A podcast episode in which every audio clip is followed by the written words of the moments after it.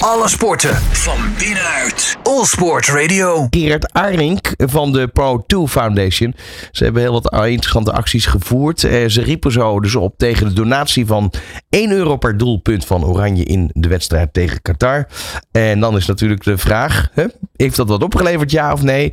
En om dan nog even erbij eh, te blijven, er wordt dus ook geld ingezameld om in Nederland, Nepal bedrijven op te zetten, zodat arbeidsmigranten niet meer naar landen als Qatar hoeven te gaan voor een baan. Gerard, goedemiddag. Goedemiddag. Hoe staat het tot nu toe? Goed, goed, goed. Het gaat heel goed. Ja, dankjewel. Dus, dus eh, wat dat betreft, de actie wordt eh, breed uit opgepakt.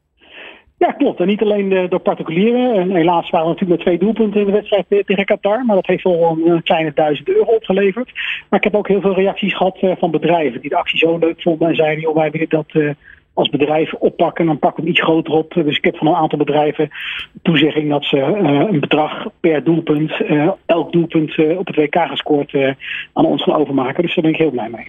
Hoe gaat dat straks in zijn werk? Hè? Want het lange termijn doel is banen te creëren. Die worden vervuld door die ex-immigranten en hun familieleden. Er worden opleidingen worden er opgezet voor de banen die hier nodig zijn. En kinderen kunnen uiteindelijk ook naar school. Hoe, hoe heb je dit plan nu uh, ja, zeg maar in het vizier staan voor lange termijn. Wat is daarvoor nodig? Nou, in principe hebben we daar ook een, een organisatie in uh, Nepal voor nodig. Dus ja, daar kom ik al langer vanuit een andere hoedanigheid. Maar wat we gedaan hebben, we hebben in Nepal contact uh, gezocht met een, uh, een, stichting, een NGO, uh, die namens de regering van Nepal contact onderhoudt met alle arbeidsmigranten ehm, en ook hun nabestaanden. En zij hebben een heel erg netwerk, zij weten precies waar al die nabestaanden die migranten zitten in Nepal. En ja, zo hebben wij rechtstreeks contact met hen. En met, met die organisatie gaan wij een tweetal ja, grote projecten opzetten. Eén is voor hun kinderen, dat die naar school kunnen, onderwijs genieten. Want ja, uh, uh, de meeste mensen die nu in Qatar werken, die hebben echt helemaal geen, geen opleiding of achtergrond.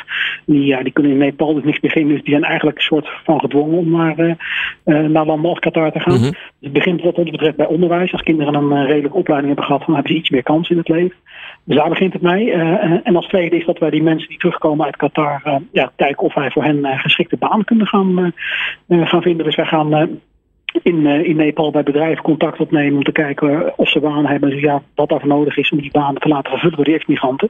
En dat is het tweede project wat we samen met die uh, NGO in Nepal gaan opzetten. Ja. Dus het belangrijkste is dat je contacten in Nepal zelf hebt. En, en hoe groot is die groep uh, immigranten waar je het eigenlijk over hebt? Zijn je zelf bekend? Nou, ja, ja, ja. Er zijn, uh, er zijn in, Nepal schrik niet rond de 2, 2,5 miljoen mensen die uh, structureel in het buitenland uh, werken.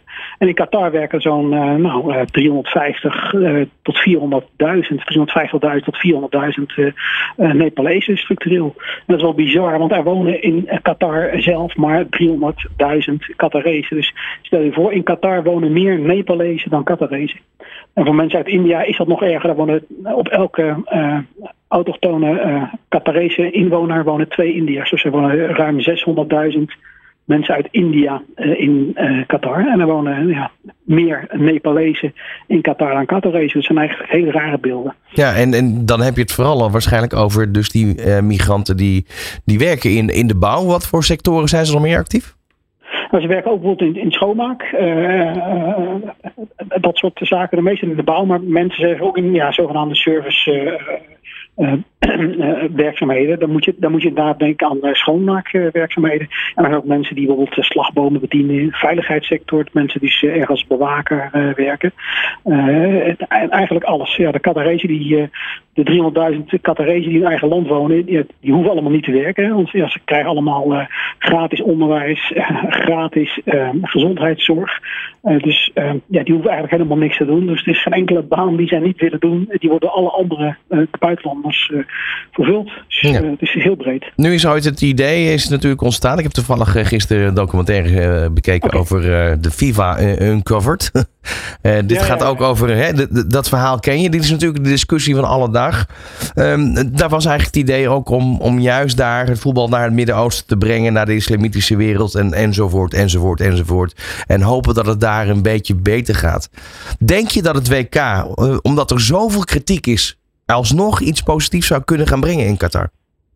Nou, het, het enige positieve wat volgens mij uh, uh, het WK naar Qatar uh, gebracht heeft, is dat het zeg maar bekend is. Bij heel veel mensen uh, die ja, bekend zijn met uh, Nepal, India en alle landen en met, met de migranten, was dit feit al zeg maar, heel uh, bekend dat zeg maar, de arbeidsomstandigheden van die mensen in die landen heel erg slecht waren. Het enige positieve wat het WK gebracht heeft, is dat voor heel veel ja, dat de ogen geopend zijn van heel veel mensen dat bekend is. Dus dat, dat is absoluut het positief. Alleen het belangrijkste natuurlijk is wel wat ga je er vervolgens mee doen? En dat vind ik ja, de twee belangrijkste vragen die tijdens het WK vind ik nog redelijk onder de licht zijn. Is uh, één, wat kunnen we doen om de migranten die het betreft te gaan helpen? En twee, hoe kunnen we dit in de toekomst uh, gaan voorkomen? En die vragen zijn eigenlijk onderbelicht geweest. Hier in de discussie in Nederland ook, dan gaat het, is het veel meer elkaar de maat nemen. Moeten we met een one-love gaan of niet? En de ene persoon die de andere de maat neemt omdat hij wel gaat kijken, of de ene persoon die de andere de maat neemt omdat hij wel naar Qatar gaat. En eigenlijk zijn dat allerlei ja, dat zijn wat mij betreft, randverschijnselen. Het zou over twee dingen moeten gaan. Wat kunnen we doen om uh, dit soort situaties te voorkomen? En hoe kunnen we de mensen die in deze situatie terecht zijn gekomen enigszins helpen? Ja, uh, en want je hebt het hier over een langer termijn doel eigenlijk. In ho hoeverre kan je dit op korte termijn dan beter maken voor deze migranten? Ik bedoel, het zijn een hele grote groep mensen, als ik het zo hoor. Ja, nou, er zijn vanaf 2010 zijn er 750.000 extra arbeidsmigranten naar uh, Qatar gegaan om zeg maar de hele infrastructuur, de stadions en alles wat met het WK te maken had te gaan bouwen. Er wonen nu zo'n uh, zo 2,7 miljoen mensen in Qatar. Rond 2010 waren dat er 2 miljoen. Dus zijn echt 750.000 extra arbeidsmigranten uh, sinds het WK daar naartoe gegaan. Wat je op korte termijn kan doen is, ja, er wordt heel veel gesproken over het compensatiefonds. Nou ja, dat gaat absoluut er niet komen. De FIFA en uh, Qatar die voelen zich niet verantwoordelijk. Maar wat we als individu kunnen doen, ja, is inderdaad uh, op kleine schaal geld inzamelen om zeg maar die arbeidsmigranten um, die het betreft om die enigszins te helpen, te compenseren. Ik vind compenseren niet een goed woord, maar veel meer om, om hen te helpen investeren in, uh, in hun eigen toekomst. Uh, dat is echt op, korte termijn het, het, geld binnenhalen. En wat je op korte termijn ook kan doen, is uh, ja, kijken of je in dit soort landen door middel van wetgeving dit soort dingen kan, kan gaan verbieden. Aan de lange termijn gaat het echt om ja, investeren in banen in de landen van herkomst zelf. Ja, het, klinkt heel goed en, ik hoop ook dat het, uh, dat het jullie gaat lukken van harte. Um, even terug naar het WK van nu, korte termijn. Uh, je, we hadden het net over de actie waarbij je opgeroepen hebt om uh, een euro te doneren per doelpunt van Oranje tegen Qatar. Nu staan we in de kwartfinale. Komt er weer zo'n soort gelijke actie? Ja, ik, ik zag dat we hebben de oproep gedaan voor de wedstrijd tegen Qatar. Nou, dat heeft wel een kleine duizend op, euro opgeleverd. Er zijn allemaal mensen die er voor de wedstrijd de Verenigde Staten ook al 6 euro hebben overgemaakt of 3 euro overgemaakt. Dus wat mij betreft kan de actie uh, verlengd worden. Uh, uh, we doen er geen aparte oproepen meer voor. Je merkt toch dat nu dat sentiment heel erg op het sportieve gedeelte ligt. Maar ja, mensen die uh, ons willen helpen of uh, steunen, dat kan natuurlijk altijd. Zoals ik al zei, doen een aantal bedrijven dat ook voor elk doelpunt uh, op het WK gestort. En er zijn ook mensen die ja, het speciale shirt wat wij met Kruif gemaakt hebben, wat 65 euro kost en waarvan 50 euro naar Nepal gaat.